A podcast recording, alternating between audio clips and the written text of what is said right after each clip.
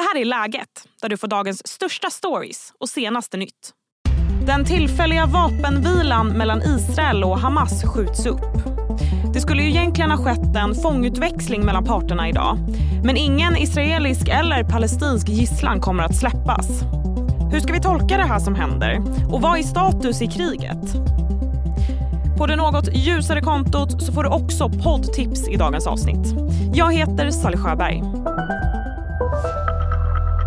I studion finns Expressens utrikesredaktör Mats Larsson. Hej Mats. Hejsan.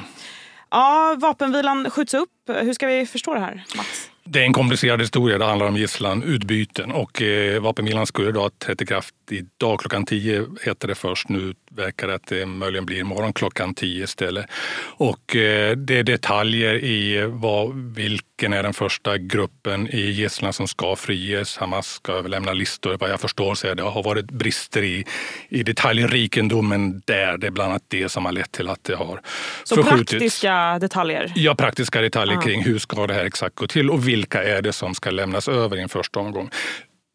Avtalet gäller ju nu för sig, det ska vara vapenvila i fyra dagar. Under de fyra dagarna ska 50 personer ur gisslan släppas etappvis. Antagligen det blir då 12-13 per dag. I eh, gengäld så ska då israelerna släppa släppa 150 eh, palestinier som suttit eh, fängslade i Israel. Och där handlar det om kvinnor, en mindre mängd kvinnor och flickor och framför allt minderåriga barn, tonår, tonårspojkar i åldern 14 till 18 år. Hur ska vi förstå att man har gjort den här överenskommelsen? Vad vill man uppnå? Ja, israelerna vill ju få hem gisslan. Israelerna hade velat få hem mycket mer än 50. Vi ska komma ihåg det sitter cirka knappt 240 vad vi vet gisslan i Gaza sedan den 7 oktober. Och det är ett stort trauma förstås för de anhöriga. Det är ett stort trauma för, för Israel. Och eh, det är en av två prioriteter som den israeliska regeringen har. Dels att få hem alla gisslan, dels att besegra Hamas. Eh, för Hamas så en orsak till att man tog gisslan var ju att få förhandlingskort och exempelvis när man nu får en vapenvila, de hade velat haft en längre vapenvila, nu får de fyra dagar, men det ger ju dem också ett andrum. De blir inte bombade under de här dagarna. En del av avtalet säger att israelerna får inte ens flyga med drönare under sex timmar mellan klockan tio på förmiddagen och fyra på eftermiddagen då man inte har någon övervakning alls. Och eh, det är dels då som gisslan ska utlämnas och Hamas vill förstås inte att Israel ska säga var, var de har funnits någonstans. Men de kan ju också hitta på andra saker. Men eh, från Benjamin Netanyahu, alltså då Israels premiärminister, han har sagt att det här inte på något sätt betyder att kriget är över, eller hur? Nej, för det andra målet är inte eh, avslutat, nämligen Hamas är inte besegrat. Och vi ska komma ihåg Netanyahu också. Eh, det finns, han, han sitter ju i en koalition med, med en del partier som står även till höger om honom och där finns ett missnöje över att överhuvudtaget förhandla att det blir en vapenvila. De hade velat fortsätta kriga men Netanyahu är under stor press internt av israelerna att få loss så många som möjligt ur gisslan. Och det är möjligt att den här vapenvilan kan förlängas. Det sägs att eh, israelerna säger att om, om Hamas går med på att släppa ytterligare tio så blir det en dags till vapenvila. Så vi får se hur länge den här vapenvilan kommer att vara. Hur, hur är livet för de som hålls fångna just nu? Ja, det vet vi ju väldigt lite om. Jag skulle tro att de flesta sitter i eh, det här tunnelsystemet som Hamas har grävt under Gaza. Eh, det har ju släppts fyra stycken, först två amerikanska kvinnor och sen två israeliska. Och en av de israeliska berättar just hur hon, hon ju satt i det här tunnelsystemet. Sen vad vi förstår så är det inte Hamas som håller alla i gisslan, vilket också komplicerar det hela. Det var en annan grupp som heter Islamiska Jihad. De tros hålla ett 50-tal och faktiskt även en del privatpersoner som även de tros ha gisslan. Så att eh, det är, alltså en gisslansituation är ju alltid väldigt, väldigt komplicerat och det är, eh, förhandlingar har varit långvariga förhandlingar här också. Och den här gisslansituationen är ju extremt komplicerad med så många i gisslan utspridda antagligen på väldigt många platser i Gaza. Hur går det i kriget i övrigt då, Mats? Jag ska fråga dig det, men först så blir det en kort nyhetsuppdatering. Elon Musk har för första gången uttalat sig om Tesla-strejken i Sverige. Om du inte har hängt med så kräver IF Metall då, då att deras medarbetare som jobbar på Teslas verkstäder ska få kollektivavtal. Något Tesla inte vill och därför har då IF Metall gått ut i strejk. Och Teslas grundare Elon Musk har hållit tyst. Men nu sätter han lampan på lilla Sverige. Galenskap kallar han det i ett inlägg på X. Riksbanken har brutit trenden. Efter hela åtta höjningar så lämnar nu Riksbanken styrräntan oförändrad på 4% Riksbanken poängterar att vi har en hög inflation men man vill ändå lämna styrräntan oförändrad eftersom att man sett att inflationstrycket dämpats tydligt.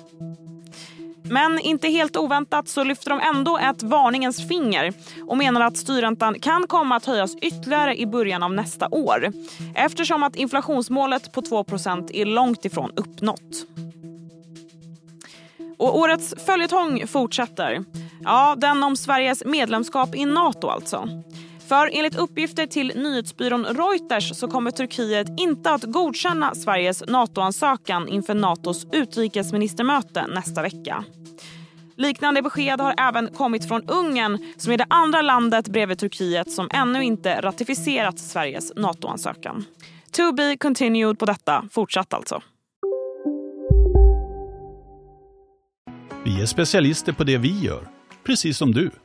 Därför försäkrar vi på Swedea bara småföretag, som ditt. För oss är små företag alltid större än stora och vår företagsförsäkring anpassar sig helt efter firmans förutsättningar. Gå in på swedea.se företag och jämför själv. Hej, Ulf Kristersson här. På många sätt är det en mörk tid vi lever i. Men nu tar vi ett stort steg för att göra Sverige till en tryggare och säkrare plats. Sverige är nu medlem i Nato. En för alla, alla för en. Och i övrigt då, vad är status i kriget? Ja, det fortsätter fram till att vapenvilan eh, träder i kraft eh, och eh, förödelsen, förstörelsen har ju varit enorm i Gaza. Eh, vi har aldrig sett den här typen av israeliska militära aktioner mot Gaza sedan de lämnade Gaza 2005. Eh, den israeliska militären har ju eh, slagit en ring runt Gaza City och har kontroll över stora delar av Gaza City vad vi förstår. De har ännu inte gått in i södra Gaza dock. Israelerna uppmanar ju nu även eh, palestinierna att evakuera där. Israelerna säger att man ska upprätta en zon vid havet där i praktiken då två miljoner människor ska söka skydd. Utomstående hjälporganisationer menar att det är helt ogörbart.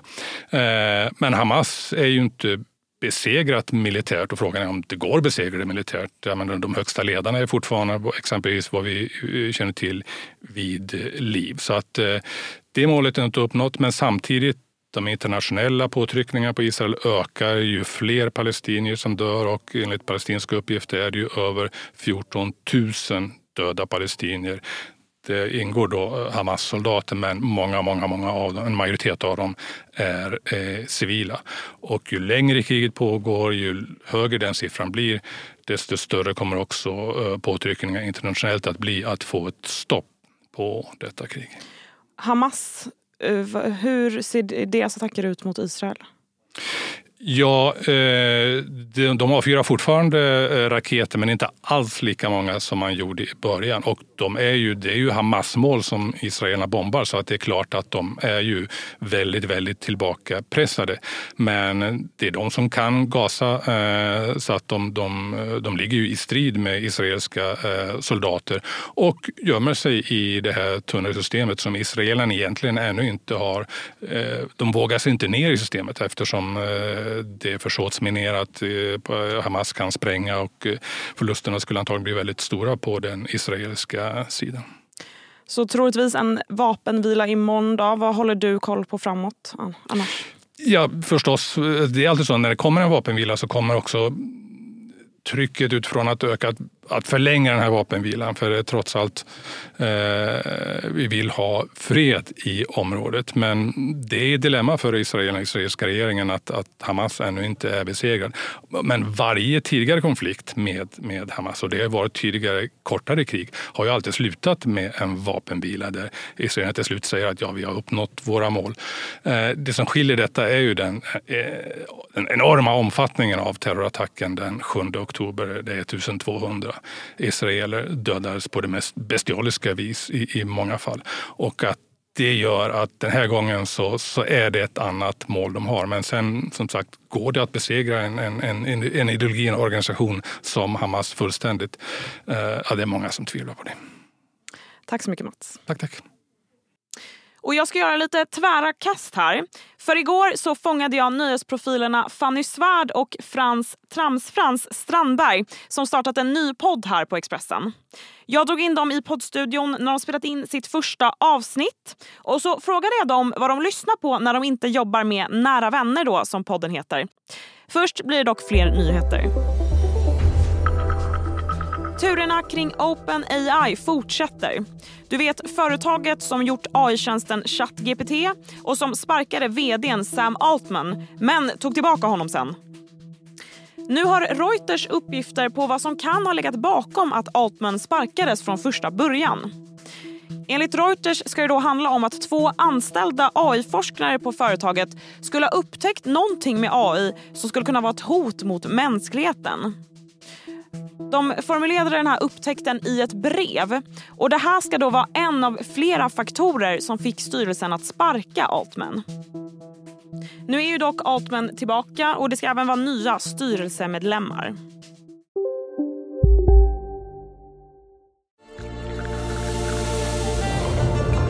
Välkommen till Maccafé på utvalda McDonalds restauranger med Baristakaffe till rimligt pris. Vad sägs om en latte eller cappuccino för bara 35 kronor? Alltid gjorda av våra utbildade baristor.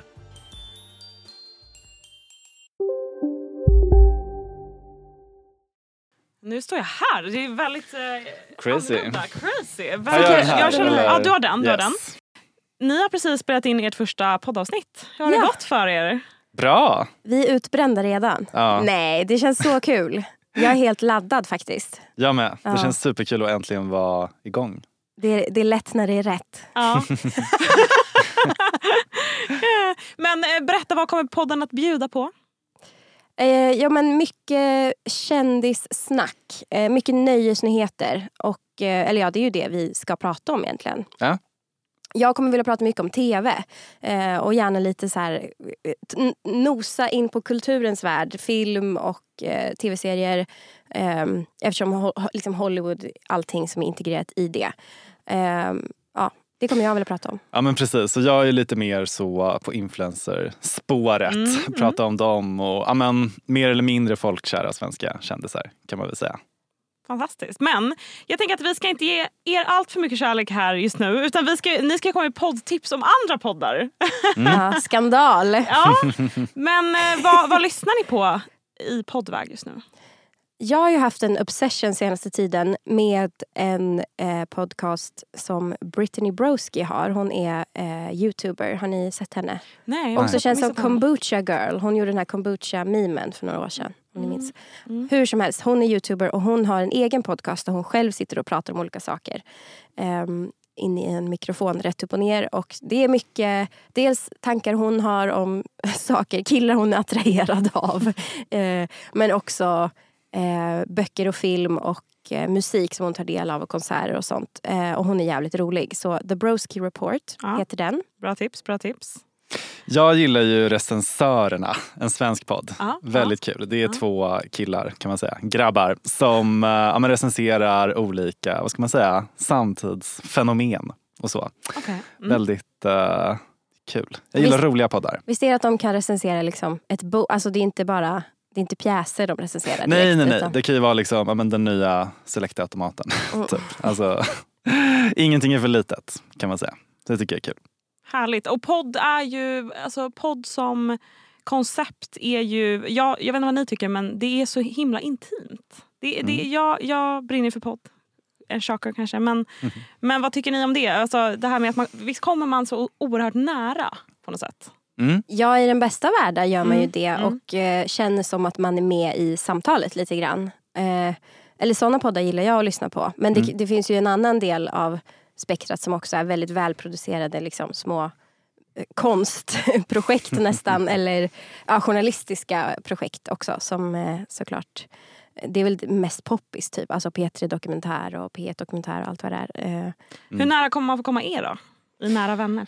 Ja men rätt nära tänker jag. Eh, alltså, det känns lite tjatigt att säga att det ska vara ofiltrerat och så. Men, eh, ja, men vi vill ju att det ska kännas lite grann som att man tjuvlyssnar på oss. Ja. Lite grann Mm. när vi pratar.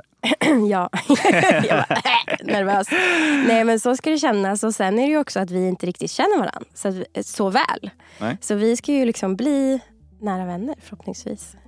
In real time liksom. Ja, och då As får de, wreck ska ni bli vänner. exakt. Och då får ju lyssnaren hänga med på det. Men kul! Lycka till får man säga. Tack. Tack. Det var allt för idag. Läget kommer ju ut varje vardag så se till att du följer podden och skriv gärna en kommentar om vad du tycker om podden också. Tack för att du har lyssnat. Du har lyssnat på en podd från Expressen. Ansvarig utgivare är Klas Granström.